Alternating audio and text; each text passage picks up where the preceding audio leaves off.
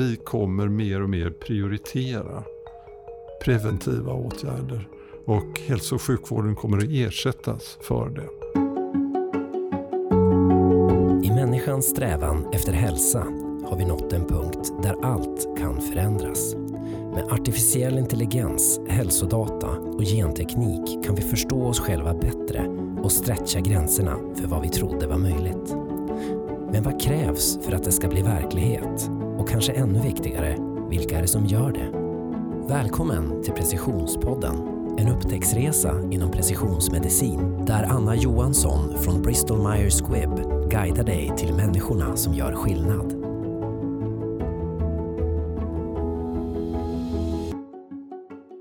Varmt välkomna till Precisionspodden. Idag är det jag, Anna Johansson, som leder podden ihop med min kollega Ann Atlas, som är vetenskaplig rådgivare inom onkologi på BMS.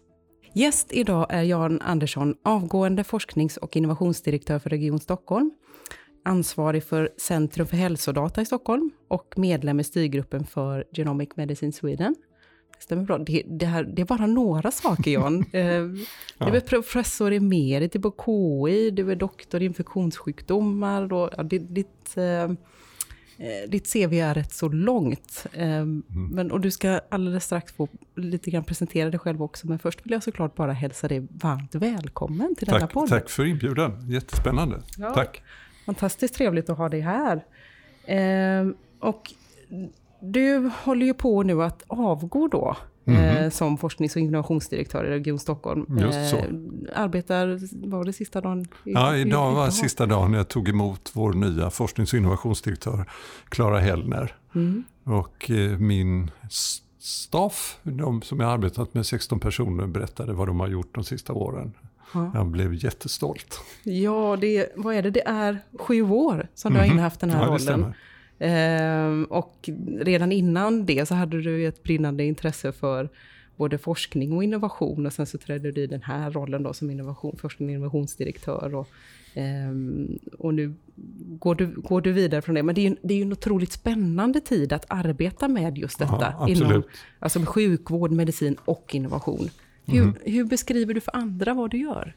Att jag har haft eh, Sveriges roligaste jobb. Att eh, liksom vara med om en sån extrem utvecklingsperiod i medicin som vi är just nu. Jag brukar liksom illustrera den med att eh, Robin Foreus, kommer ni nog kanske inte ihåg, kemisten och apotekaren som 1917 upptäckte sänkan. Och det blev liksom den första riktiga testen, hur fort faller röda blodkroppar under en timme? Och så mäter man det i millimeter. Och det där är ett mått på inflammation. Och sen så småningom så kom ganska snart att man kunde mäta HB, blodvärdet och sen kunde man börja mäta socker i blodet som bara några exempel. Så det var en två, tre parametrar som alla som var lite sjuka gick igenom och så byggde man mycket så kallad kunskap på de där parametrarna. För en eh, månad sen så gick SciLife Lab ut och sa att nu kan vi analysera 3450 proteiner i blodet. Och det gör vi i 20 tusendels milliliter. Och vi kan också kvantifiera dem. Så det språnget av att man kan gå in så i detalj är ju fullständigt enormt. Och med det öppningar till liksom förståelse för sjukdomsmekanismer, behandlingseffekter, effekter av förebyggande åtgärder och sånt där. Det är ett språng i kunskap just nu som vi inte varit med om tror jag någonsin. Mm. Och liksom också en period när vi då ser just nu då väldigt nära tid liksom hur en pandemi ödelägger mycket i samhällets funktioner och hur känsliga vi har blivit på att allting hänger samman i kedjor som gör oss väldigt, väldigt utsatta på ett sätt som vi inte har varit på kanske tusentals år. Så, så är det ju så.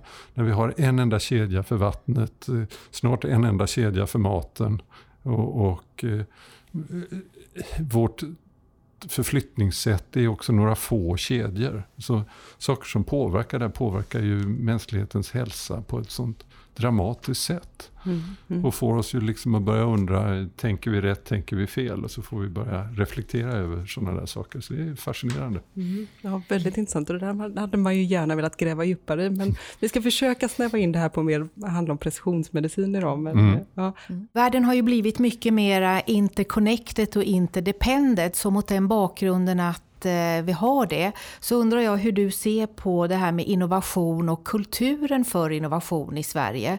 Hur tycker du att det har utvecklats och var är vi på väg? Alltså gudskelov så är eh, Sverige ett nyfikenhetsdrivet land. Och vi gör fantastiskt mycket bra innovationer och vi är ju en av de absolut ledande länderna i innovationer och har varit det ganska länge och ser ut som vi fortsätter att vara det. Eh, problemet för oss är att vi har fler innovationer än vi har kapital. Och vi har inte så bra kultur under de senaste åren att bygga stabila eh, företag utifrån. Utan vi har många, många små duktiga innovationssites. Men vi får inte riktigt språnget till att bilda stora stabila företag i det. Och där har vi en jätteutvecklingspotential till att förstå att vi inte, om jag får säga, bara ska sälja ut. För problemet när vi gör det är att forskningsinsatserna tenderar då att förflyttas och då är det inte längre så att vi äger ödet av innovationerna längre. Så där behöver vi absolut utveckla oss. Och det är klart, det lilla landet behöver ju samarbeta med kolossalt många andra för att observationerna ska bli trovärdiga när vi har innoverat. Och man behöver ju ofta väldigt mycket data för att vara säker på sin sak. Och många gånger då är det lilla landet Sverige för litet. Så det är klart att samarbeten är kritiskt viktiga om man ska ta innovationer till ett djupare värde. Mm. Men det är den där utmaningen att samarbeta med många och samtidigt behålla initiativet och ägarskapet till själva projektet. Och där behöver vi utveckla oss. Ibland kan ju till exempel stiftelser vara jättebra som man gör i Danmark. De största läkemedelsbolagen är stiftelser i Danmark och därmed så får de vara kvar och utvecklas där. Vi har en hel del bra exempel på läkemedelsbolag och medtechbolag eh, som har sålts och fått utländskt ägande och då har vi haft svårt att bibehålla forskningsanläggningarna i vårt land. Mm. Mm.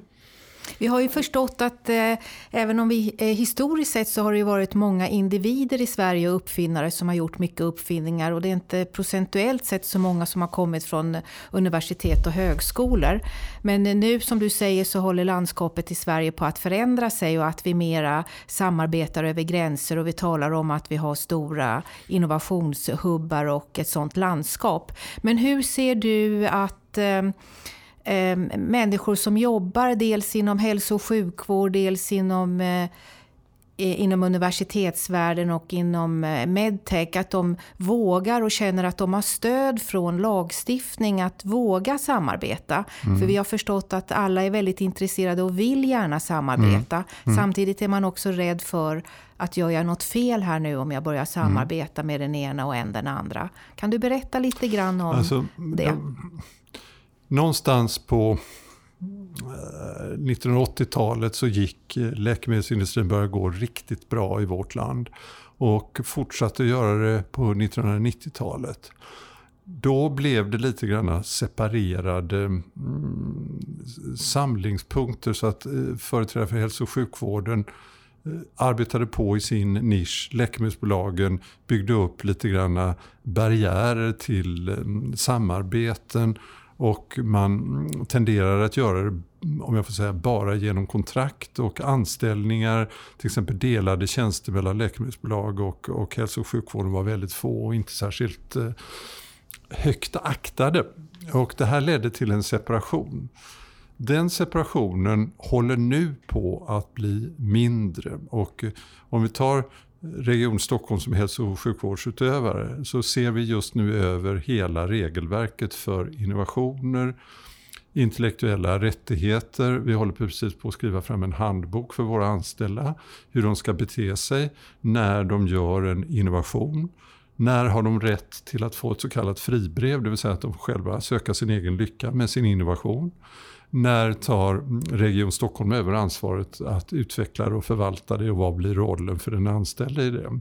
Så den, den verksamheten håller på radikalt att förändras nu.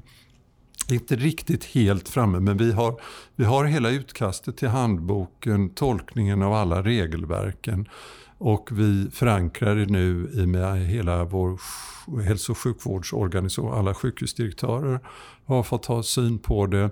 Vi förankrar det med eh, universiteten i regionen. Därför att ni vet att professorerna och de med förenade tjänster i hälso och sjukvården, det vill säga att de har en tjänst i universitetet, den andra i sjukvården. Eh, de har ju lärarundantaget, men vi håller på att integrera lärarundantaget med den lagstiftning som är för anställda i offentlig mm. sektor. Så det här håller faktiskt på att skapas fram nya mm, vägar hur vi ska kunna samarbeta i de här grejerna. Så här har jag mm, mot tidigare varit väldigt kritisk. Hoppfull att det här leder till att vi får mycket bättre samarbetsytor. Jag kan nämna för er saker som ni kanske inte har känt till.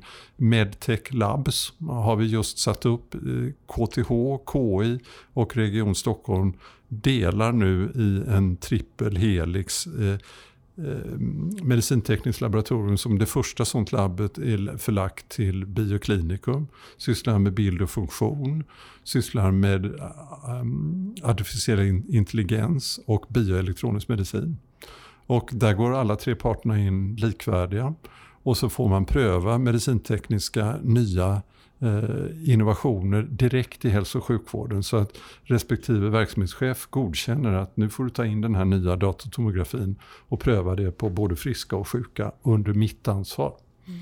Och det är en historisk grej därför att då kommer hela den här medicintekniska utvecklingen direkt in i hälso och sjukvård under ansvar för hälso och sjukvård. Och vi kan då säga vad det finns för behov av specifika Eh, utvecklingar. Och så, så möter industrin upp tillsammans med akademin. Mm. Är det en sån modell som du ser? Eh, ja, den typen den, av modell den, som den funkar? är liksom? extremt. Eh, framgångsrik. Vi har haft det här i två år.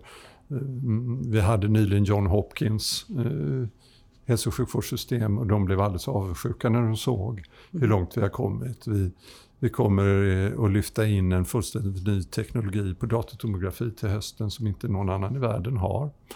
Vi gör till exempel AI-utveckling på hur man ska tolka mammografier. Mm. Till och med att AI ska kunna säga en kvinnas, inte om det är cancer eller inte cancer, utan vad det finns för risk att utveckla. Så att vi kan individualisera uppföljningen och säga att så som det ser ut på den här mammografin så har du väldigt, väldigt låg risk. Eller som det ser ut så här har du en klart ökad risk. Och så mm.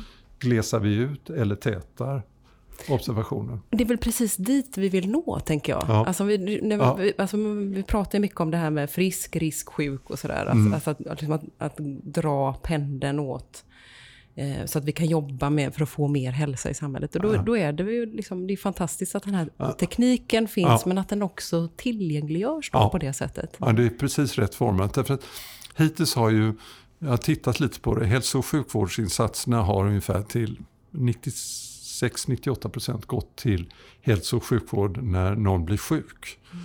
Men det jag ser nu, och till exempel våra FoU-medel, äh, ALF-projekt, alltså sådana här utlysningar i konkurrens. 96% av de medel vi delar ut går till redan sjuka.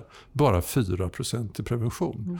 Men nu börjar vi ju få verktygen att förstå varför får just Jan Andersson karies? Eller varför får Jan Andersson högt blodtryck eller diabetes? Och eh, hur kan vi gå in och förebygga det där? Och det har vi mer och mer verktyg. Mm. Och det kommer att bli en jätteviktig utveck utvecklingsaxel. Mm. Ser du då att eh, sjukvården kommer att förändras så att man behöver eh, personal där som har helt andra kompetensområden ja. än det som är vad vi kallar för de klassiska utbildningsområdena idag med läkare, sköterskor, undersköterskor och många andra inom sjukvården? Jag tror att idag. många av de här yrkeskategorierna kommer vi behålla. Mm. Vi kommer att lära upp dem till annorlunda arbetsuppgifter än vad de har idag. Och vi kommer att skola om de befintliga och lära upp de nya. på allt eh, kristallkulaaktigt vi har nu i form av till exempel bild och funktion. Alltså där var eh, alltså röntgen idag inte bara blir en avbildning utan också ger funktion. Så vi kan alltså se funktionellt hur delar av hjärnan fungerar när man börjar bli glömsk. Eller hur delar av hjärnan fungerar i förstadium till Parkinson till exempel. Eller vad fysisk träning har för betydelse för nervtillväxt eller hjärncellstillväxt. Bara, bara som några exempel. Med, med prover ifrån blod och ifrån vävnad så kommer vi kunna förutsäga vem som kommer bli sjuk och inte sjuk i olika sjukdomar. Och med många typer av åtgärder så kommer vi kunna läsa av hur man förflyttar sig från risken att bli sjuk till att eh, sannolikheten att man förblir frisk. Och jag kan ge ett exempel. Vi har nyligen gjort en studie på ett begränsat antal människor med förstadium, alltså prediabetes. Och så har de fått välja tio olika aktiviteter som har varit liksom lite grann fritt val till vad vill just du göra. Och så har vi försett dem med de resurserna i ett års tid. Och så har vi mätt hur bra det har gått för oss att, att få dem över att vara i prediabetes till att vara citationstecken friska. Och hälften har på ett år flyttat sig i det här. Är det, är det bra siffror? Ja, det är väldigt bra siffror. För att när du sysslar med vuxna så säger många belackare att ja, när du har blivit vuxen ändrar du aldrig på dina beteenden. Men att visa att du kan ändra beteende och därmed risker hos hälften det är oerhört bra. Mm. Och det är ju bara i sin linda. Om du hade erbjudit dem 20 olika saker så kanske det hade gått 75 procent. Jag vet inte. Ja. Men förstår du, så att det här är bara ett exempel på att vi kommer mer och mer prioritera preventiva åtgärder. Och hälso och sjukvården kommer att ersättas för det. Mm. Och jag tror inte att Google och Amazon ska vara de som ska vara ansvariga för det här. Mm. Eller andra typer av sådana Därför att jag tror att ansvaret ska ligga på hälso och sjukvården för då blir det väldigt noga utrett. Mm. Och det blir också ett ansvar som blir väldigt tydligt att om vi ger fel råd så får vi ta ansvar för vad det leder till. Mm. mm. Och det leder till kvalitet tror jag. Mm. Vi har ju i Sverige initiativet Genomics Medicine Sweden mm. som har som eh, syfte att att eh, implementera precisionsmedicin lika för alla inom hälso och sjukvården. Hur ser du att deras arbete är en viktig del av det som du just har berättat? Jo, det är ju precis i sin linda. Men jag menar, om en mänsklig cell består av cirka 20 000 gener och eh, det uppstår cancer i den. Vi har tittat lite grann på bröstcancer och vi finner ju då att man kanske har, när den är etablerad, någonstans mellan 1000 och 10 000 mutationer. Alltså otroligt stora förändringar i de här generna. Men eh, det är ju ett sätt att säga då att cancer är att man har muterat eh, gener. Men om man börjar titta på den kliniska betydelsen av dem så kanske det är hundra av de här tusen generna som verkligen har någon betydelse och som spelar roll för prognosen och som spelar roll för val av behandling. Men för att komma till den här precisionen då så måste vi analysera väldigt många med bröstcancer för att vara säker på att just den här mutationen har betydelse. Men de här andra eh, 900 har ingen betydelse.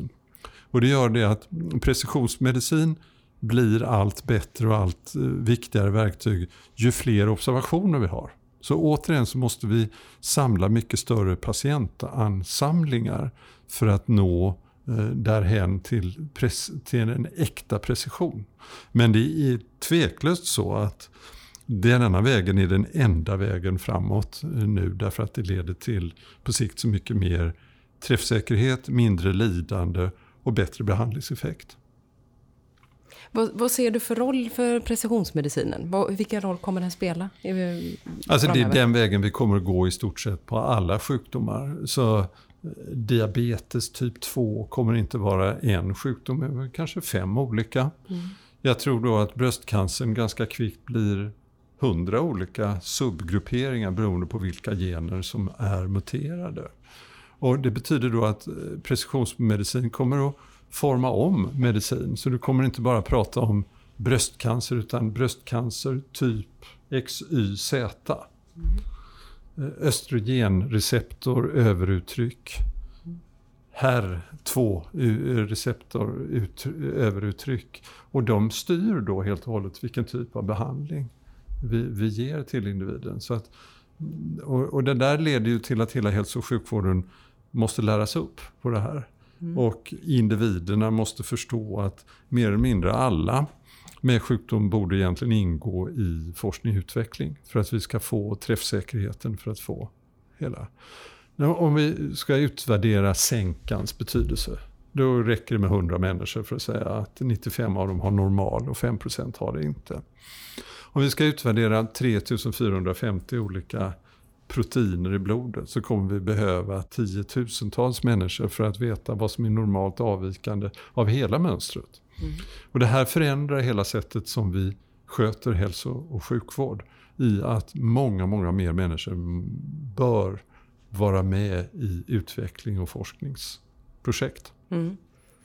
Och vad gör vi idag för att eh, tillfråga oss patienter när vi kommer till sjukvården om man vill vara med i eh, forskning och utvecklingsprojekt. Blir alla tillfrågade idag som söker på universitetskliniker och vårdcentraler? Nej. Eller när tror du vi är där? Det här är en enorm utmaning och tyvärr har vi gått åt, jag vill påstå fel håll. Vi har, vi har byråkratiserat, vi har skapat eh, regelverk och system som är alldeles för krångliga.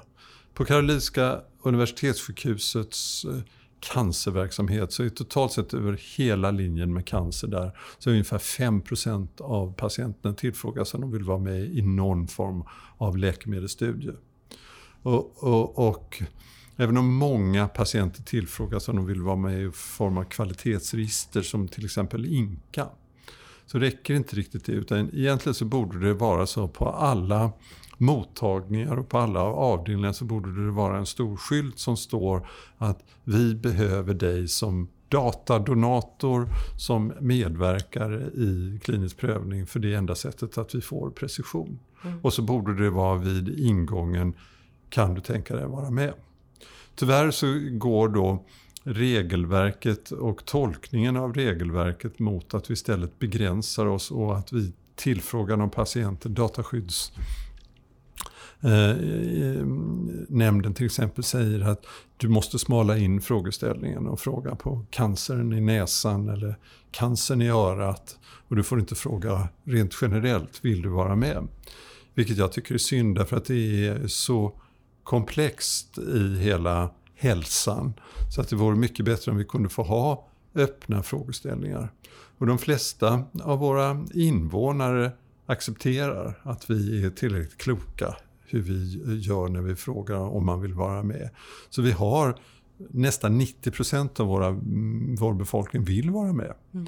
Men vi gör det så krångligt så att hälso och sjukvården inte mäktar med att göra tillräckligt bra forskning och utvecklings Ja, men jag tänker för, för där kanske nästan förväntningarna är att man förutsätter att, den då, alltså att, jag kan, att jag lämnar data och att den används ja, och att ja, den bidrar till ja, en utveckling. Precis som den gör då för tidigare nämnda företag som också samlar data. Mm. Eh, men som är liksom privata företag då. Eh, men jag tänker, ska det vara... Tycker du, ska det vara, ska det vara ett val? Eh, eller ska det... Alltså, ja, jag tycker att individen ska göra ett val. Valfrihet ger trygghet. Så det tycker jag. Men det ska vara betydligt enklare att säga ja. Och när vi får ja från individen så ska vi kunna använda det på mycket bredare frågeställningar när vi har fått ja. Så du vill se en lagändring helt enkelt? Ja. Mm. Alltså, tänker idag att man inte får dela hälso och sjukvårdens data med omsorgens data. Och se framför er hur covid-pandemin har gjort hemska avtryck i framförallt eh, omsorgen, alltså den delen av, av hälso och sjukvården som inkluderas i omsorg. Därför att vi har haft barriärer och inte fört över kunskap tillräckligt tydligt. vad vi har gjort för insatser för människor eller vad för insatser som behövs för att skydda människor och personal mot. Den lagstiftningen är ju nästan 100 år gammal, sociallagen. Hur kan den inte appliceras in till att det är sömnlöst? Mm. Jag menar, ta ett exempel, ni sätter på dem en, en, en sensor och så mäter ni eh, EKG, som är ganska enkelt nu att göra med tum-EKG. Och så har ni haft en patient som har flimmer och så har ni gjort någonting på sjukvården så att flimret har gått över och så skickar ni hem den till, till, till omsorgen. Väl hemma där får patienten flimmer igen. Och, och, det är inget konstigt att det är så. Då blir patienten igen ett, ett vård. Men detta borde ju vara sömnlös information. Mm. Alltihopa. Mm. Det är helt obegripligt att det är två olika organisationer som inte kommunicerar sina resultat. Mm. Alltså hur kan det vara så när alltihopa i hälsa hänger ihop? Det, för mig är det fullständigt obegripligt. Mm. Mm. Ja, jag tänker där, och där kommer vi lite grann in på, dels är det är en uppmaning här till alla lagstiftare eh, eh, som, som eventuellt lyssnar på den här podden då. eh, och många av dem kanske egentligen är rätt så medvetna om detta, men, eh, men vi behöver komma framåt, absolut. Men jag tänkte, vi kommer ju också in här lite grann på det här som är väldigt aktuellt nu sen Anna Negårds utredning blev färdig om god och nära vård, att vi ser den här omflyttningen, att man vill föra vården närmare mm. eh, närmare befolkningen. Ja. Eh, och att man i det någonstans också ska kunna jobba mer preventivt och, och liksom tillgodose det, den delen bättre än vad man gör idag. Eh, och där måste ju det funka. Då är, då, då är det ju liksom som du säger, den här dialogen och relationen och kunskapsöverföringen mellan region och kommun. Eh, det måste ju verkligen lira om ja. man ska få till den här ja. omställningen. Ja. Och det är mer än lagstiftning. Lagstiftningen formar basen som möjliggör att vi kan göra det. Men sen ska vi också ha klart för oss att det är väldigt olika kulturer. Mm. Om vi i hälso och sjukvården pratar om en Alzheimer-patient och hur många Alzheimer-patienter har ni i Skarpnäck? Då svarar Stockholms stad att det har vi inte en aning om. Och det är inte nonchalans, utan det är att vi vet hur många som går hem och hjälper individer som har demens. Och vi vet behovet och hur många av dem är. Men vi klassar inte det som Alzheimer. Vi klassar det som en, ett behov av hjälp med kanske matlagning, kanske hygien, kanske handling eller vad det är. Och det, så definierar omsorgen sin insats och mäter den på, på individen. Medan hälso och sjukvården fokuserar sig kring en diagnos och vad man har gjort kring den diagnosen. Och det finns ju verktyg att de här ska kunna närma sig varandra och dela data. Men man måste öppna kulturen och förstå att det är olika betraktelser på samma, samma resa i livet. Och när vi lär oss att, att um, värdera varandras sätt att dokumentera det här, då kommer vi komma oerhört mycket längre. Mm. När läkemedelsbolag ska ta reda på det äkta värdet av ett nytt läkemedel. Så idag så mäter vi ofta effekterna kanske först då på den sjukhusvårdade och sen hon eller han eh, kommer ut i öppenvård så mäter vi effekterna där. Men den stora resan som vi gör efter de flesta av de här grejerna i kroniska sjukdomar det är ju hemmiljön och i omsorgen. Och det mäter vi inte alls när vi sen går till TLV och kör förhandlingar om att läkemedelsbolaget säger att man ska ha X betalt för det här och hälso och sjukvården säger att ni får Y. Men alltså om vi räknade ut det totala värdet så skulle det vara väldigt lätt att se att X och Y borde vara ganska lika varandra. Mm. Och se vad det verkligen är värt. Mm. Och då kommer vi till helt andra sätt också att göra prövningar och mm. studier mm. som utvecklar sakerna mycket, mycket bättre. Mm.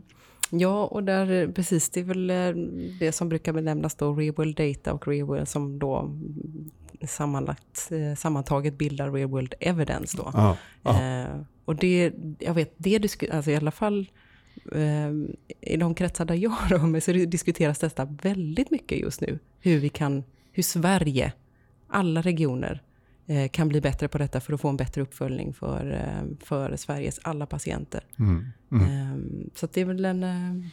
Ja, det, är en, en, en enorm möjlighet som digitaliseringen för med sig. Ja. Att vi nu kommer in på att kunna mäta på individnivå och sen aggregera de resultaten och sen bli lite klokare på vad vi gör bra och dåligt. Mm.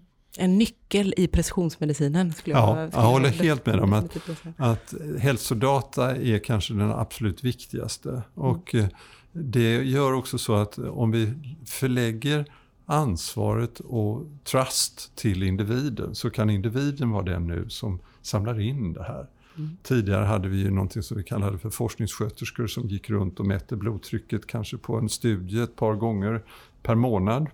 Nu kan vi mäta det digitalt och kontinuerligt eh, dygnet runt. Tänker vilken ökad träffsäkerhet man får med den typen av, av, av monitorering. Mm. Bara som ett exempel.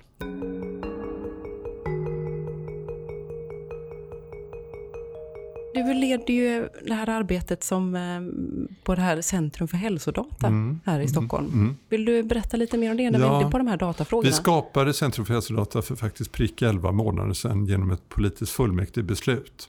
Och upprinnelsen till det, det är ju att vi har 3000 vårdutövare i Region Stockholm som har hand om 17 miljoner besök i hälso och sjukvården. Och det betyder ju att en hel sjukdom så är det väldigt många olika utövare som träffar den här personen. Och ska vi förstå om vi gör bättre eller sämre med en diabetessjuk som är sjuk i 60 år i sin diabetes. Ja, då behöver vi ju sätta samman alla data kring just den personen. Och enda sättet att göra det, det är att vi skaffade ett centralt organ som fick fungera som ett eh, samlingspunkt, ett nyckelhål som man kan kontakta för att få ta del av samlad vårddata. Och sen är det så att varje vårdgivare äger eh, sina i patienters i data. Så att vad vi då gör med Centrum för är att vi frågar de aktuella vårdgivarna om de säger ja på att den här frågeställningen, att vi får lov att samla data.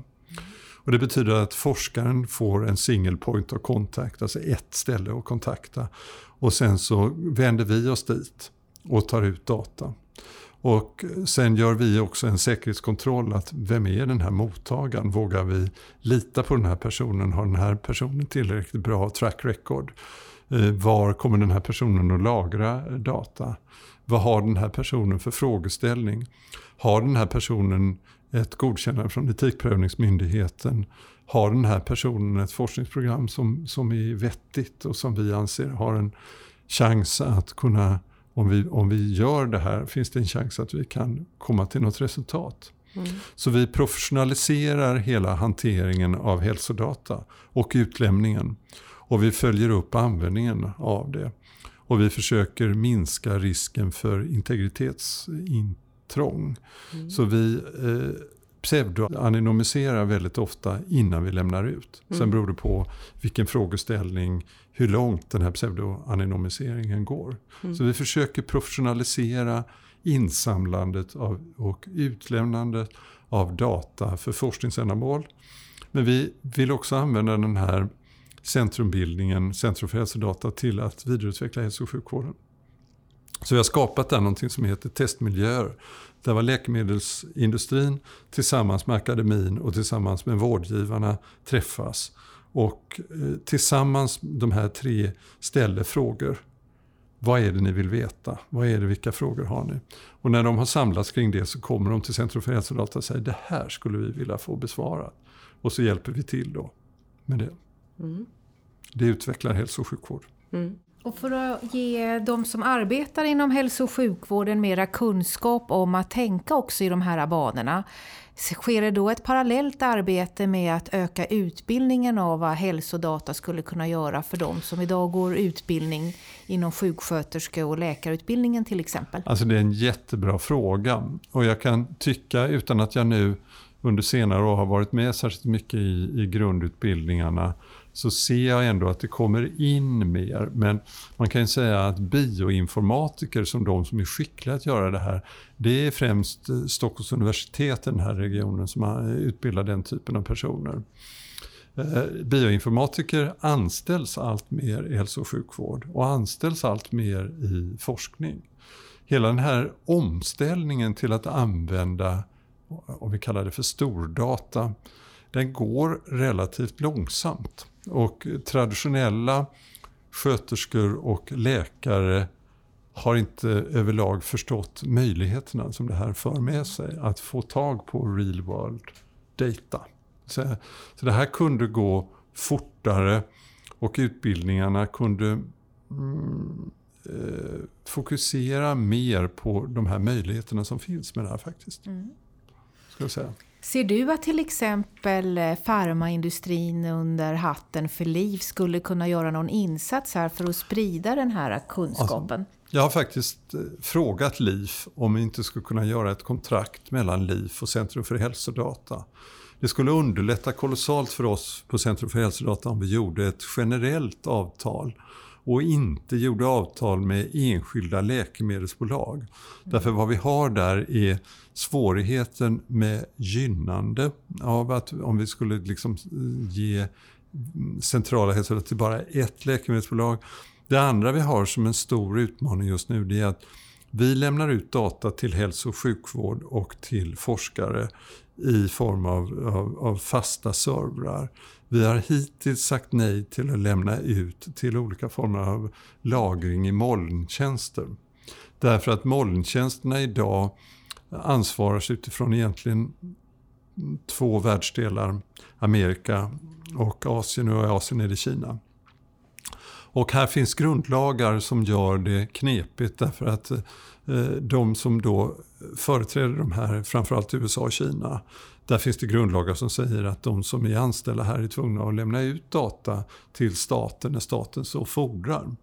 Och det går ju inte alls i linje med vår integritetspolicy. Så det här är en stor utmaning vart vi lämnar data och var data lagras. Och det här behöver utvecklas.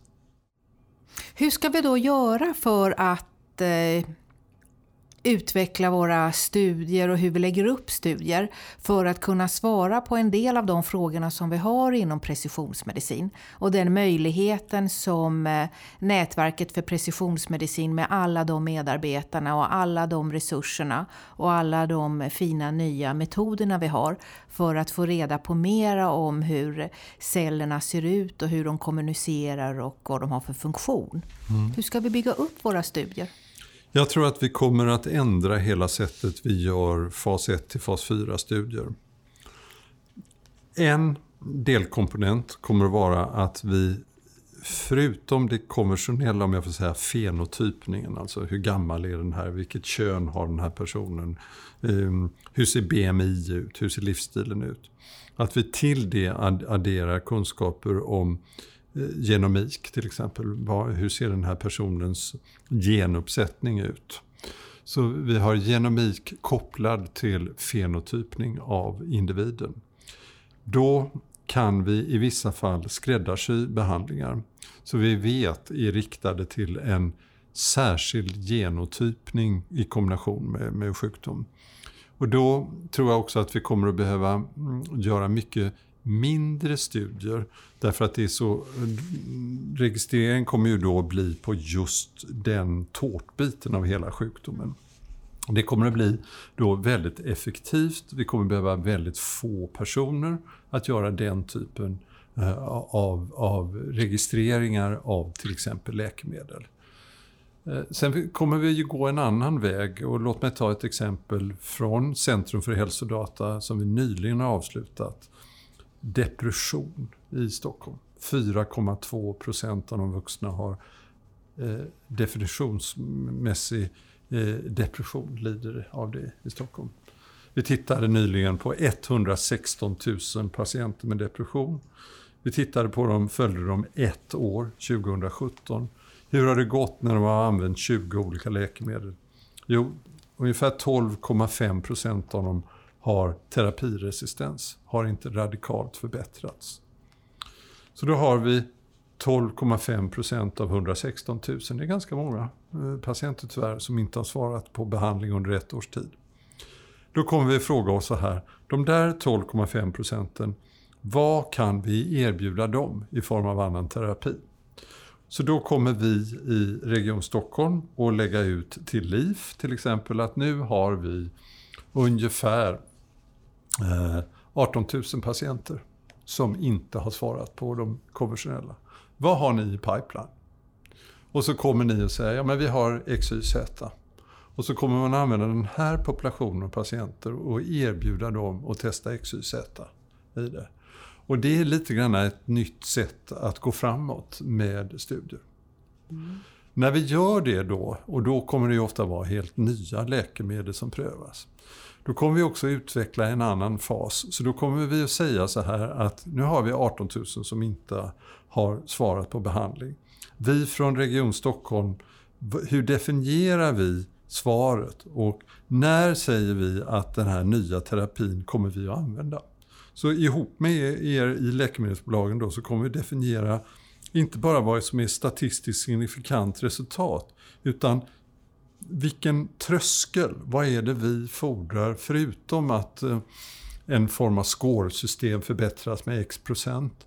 Vad är det i funktionalitet för den här individen? Eh, minskande grad av sjukskrivning, förbättrande livsfunktioner i hemmet, eh, ta på sig förmågan att kunna ta på sig olika familje ansvar etc. etc. Va? Så vi bygger upp det där tillsammans och vi kommer att mäta då, inte bara direkta mätbara parametrar som vi konventionellt har haft i hälso och sjukvård, utan också gå in i omsorgen och, och ha parametrar i omsorgen för vad vi gör. Mm. Och det gör det att vi kommer att mer sömlöst gå från fas 1 till fas 4. Och det arbetssättet, som också många gånger då inbegriper digitala, där var patienten själv registrerar hur det går. Det kommer att leda till att det blir kortare tid till registrering. Och framförallt för er blir det kortare tid till att vi verkligen köper era produkter. För ni vet ju hur det är nu att ni många gånger har fått en produkt registrerad och sen nås ni av frustrationen av att men tänk den här hälso och sjukvården i Region Stockholm köper ju inte produkten. Varför, varför gör de inte det? Och ofta är det för vi har inte definierat det gemensamma målet, vad vi har för behov. Och det tror jag leder till att vi kommer att ha ett helt nytt samarbetssätt framgent. Och det betyder då att marknadsavdelningen måste ha en mycket, mycket mer aktiv dialog med behoven som finns i omsorgen och som finns i hälso och sjukvården. Och till exempel sådana här saker som Centrum för hälsodata får forma basen för vad som inte fungerar tillräckligt bra idag. Mm. Jag, kan, jag kan berätta för er att 2011 till 2017 så på de 104 000 diabetes typ 2-patienter vi har har vi inte minskat BMI med ett enda procent eller promille. Det är helt oförändrat. Så hur får vi ner BMI på mm. våra diabetes typ 2? Bara för att ge er ett uppslag till mm. ny terapi. Ja, ja. Finns det här äh, sättet som din vision om hur det bör se ut i Sverige i framtiden? Finns det något land som redan jobbar på det sättet?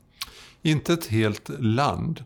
EMA har fått ett uppdrag att titta på att göra förändringar i regelverket och dokumentationssystemen. Så det finns inget land än så länge som har anammat detta. Och det beror framförallt på regelverket. Och om vi tar Europa så styrs det väldigt mycket av EMA och i USA är det ju FDA som styr hela. Och det är ju de två stora tunga instanserna som styr hur prövningar gör. Det är ju så otroligt kostsamt så ingen vågar göra egentligen experiment utanför boxen. Mm. Så här måste göras tillsammans med regelverket. Ja, för jag tänker, för det är, ju, det, är rätt, eh, det är ju rätt stora förändringar du pratar om här egentligen. Ja, eh, mycket som vi till och, och, att vi behöver utveckla våra hälsoekonomiska modeller. Och, men kanske framförallt som du säger det här att man faktiskt går in och samverkar på ett, på ett helt annat sätt. Mycket, mycket ja. tydligare sätt. Ja. Alltså, vad, vad, vad, behöver ni just nu här i regionen? Mm. Ja, enkelt. Ett funktionellt, högeffektivt anti covid-19 antiviral skulle vi jättegärna vilja ha. Vi skulle jättegärna vilja ha ett vaccin. Varsågoda, kan ni ge oss det? Det är bara som några hyperaktuella exempel. Och kanske om ett års tid så kommer vi säga att nej, vi har inte så mycket behov av det där längre. Det här vaccinet, eh, det tog bort den här smittan och då kommer vi att fråga er om, om någonting helt annat. Mm. Så vad jag är ute efter det är ju att över tid så förändras det här kontinuerligt livsstilen förändras, betingelserna förändras och, och därmed vårt behov av, av saker och ting från er förändras hela tiden. Men vi måste vara tydligare på att förmedla vad det är vi behöver. Och så måste vi samverka kring att lösa de behoven. Mm.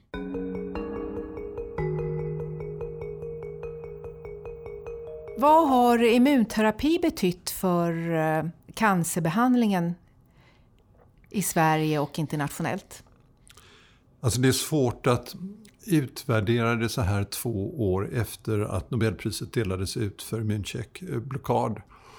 Men jag kan säga att det har blivit en, en explosion i, i studier och i försök med immunterapi. Och idag tror jag nästan man kan säga att det har lett till att vi har fått en fjärde pelare i behandling av cancer.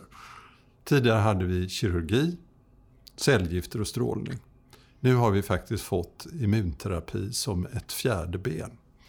Och det har man försökt egentligen i hundra år på olika sätt att stimulera immunsystemet till att ta, ta bort cancer. Och i princip är det hundra års misslyckande som nu har lett till framgång. Och det konstiga är då att i och med att Nobelpristagarna visade att om man blockerar den blockerande armen i immunsystemet, då tar den eh, effektordrivna armen över som dödar cancerceller tar över. Så cancer uppstår när immunsystemets negativa blockerande arm får övertaget. Och nu tippar man balansen över till att det, den effektordrivna som dödar cancerceller tar över. Och det här med immuncheckblockad, hämning, har då också lett till att vad vi har försökt i nästan ja, det är snudd på 30 års tid, nämligen cellterapier.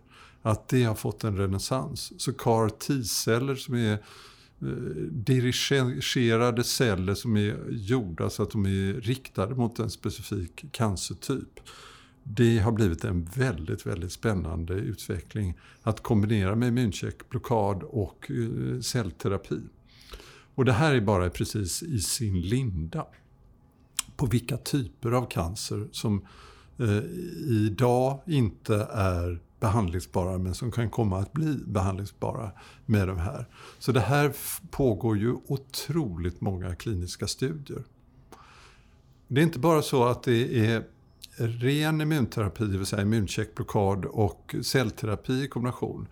Men det är också så här att eh, genom att man hämmar den negativa axeln så behöver vi pröva om i vilken eh, ända man startar.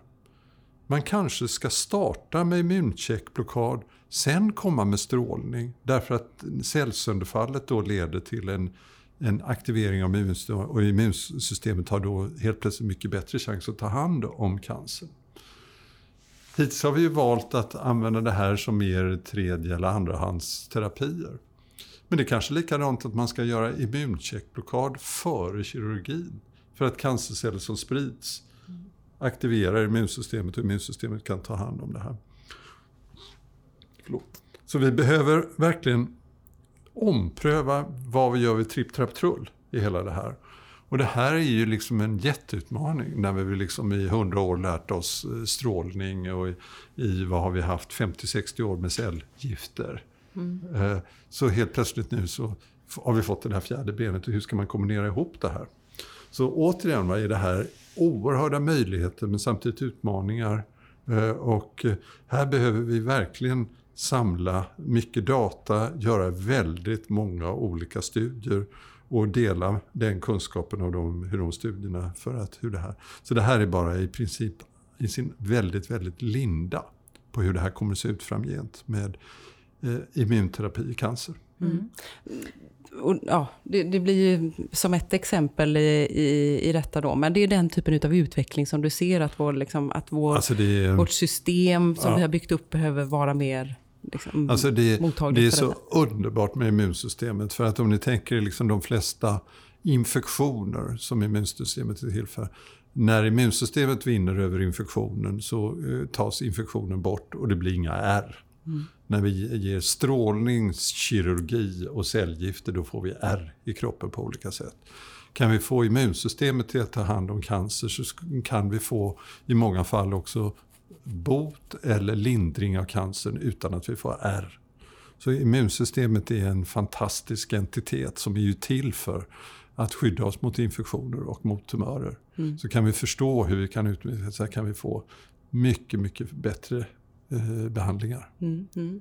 Vad ser du för andra utmaningar? Jag tänker utmaningar i, i vårt hälso och sjukvårdssystem och den apparat som vi, som vi har byggt upp under tid och som, som finns idag. Hur gör man hela det här hälso och sjukvårdssystemet lite mer mottagligt för den typen av omställningar? Då? Eller? Jag tror att transparens och samarbete igen är kritiskt mm. och jag tror att det måste utgå ifrån egentligen behoven som är. Och det är som du säger att behoven är ibland långsiktiga, ta kroniska sjukdomar. Där har vi ju nästan ett oändligt behov därför vi har hittills inte utvecklat bot. Vi, generellt sett så utvecklar vi lindring av olika typer av kroniska sjukdomar men inte bot. Så ett kort svar på din fråga är att ja, kära ni som kommer från läkemedelsindustrin, skaffa oss bot mot kroniska sjukdomar. Bota diabetes, bota reumatismen, bota ulcerös kolit, mm. bota Parkinson mm. eller MS. Mm. Och det eh, är ju en grannlaga uppgift. Det andra är ju när situationen förändras, som det gör till exempel med pandemier. Eller när vi lever på ett annorlunda sätt. Så att vi till exempel stoppar i oss mer föda än vad vi gör av med. Och vi får de här viktsuppgångarna och vi får eh, eh, alltså inflammationsuttryck på grund av att man har för kraftig viktsuppgång. Och sekundärt till inflammationen så får vi massa sjukdomar som till exempel diabetes. Då. Och det är klart, då behöver vi gå djupare och se vad är botten, vad är, är vad orsakar att man blir överviktig. Mm. Och det är klart, hela det betraktelsen. Men jag tycker det viktigaste här är att det utgår ifrån samhället och hälso och sjukvården demonstrerar behoven. Mm. Och sen så att vi har en flexibel eh, industri som förmår att anpassa. Och det är lätt sagt men svårt. Därför att det är så långa axlar för er att utveckla saker. Det tar ju ofta över 15 år. Så det är det där som är det svåra. Hur får vi, hur får vi det där att gå fortare? Och det är inte så himla lätt att svara på. Mm. Mm. Men det är det som du ser som, liksom, det, är där, ja. det är där vi löser Ja. Precisionsmedicin är Ja, det är det. Och när vi, när vi samsas kring det, det då, att vi, vi, vi snabbt jobbar fram vad är de äkta målen vi ska åstadkomma. Mm. Och det måste vi göra tillsammans. Mm. Mm. Sätta tydliga mål och samverka för att nå dem, skulle jag ja, vilja sammanfatta ja, det. Är jättebra sammanfattat. Ja, mm, ja. eh, om du nu ser tillbaka till det här, på det här samtalet som vi precis har haft. Beskriv en av de känslor som du får i kroppen när du tänker på precisionsmedicin. Nyfikenhet. Hur drivs man av sin nyfikenhet till att ta reda på bättre hur det verkligen förhåller sig? Och hur orkar man genomföra precisionsmedicin hela vägen? Att verkligen samla in tillräckligt mycket data och använda dem på ett klokt sätt. Mm. Bra, tack så mycket för att du var tack. med. tack, jättekul. Überblick?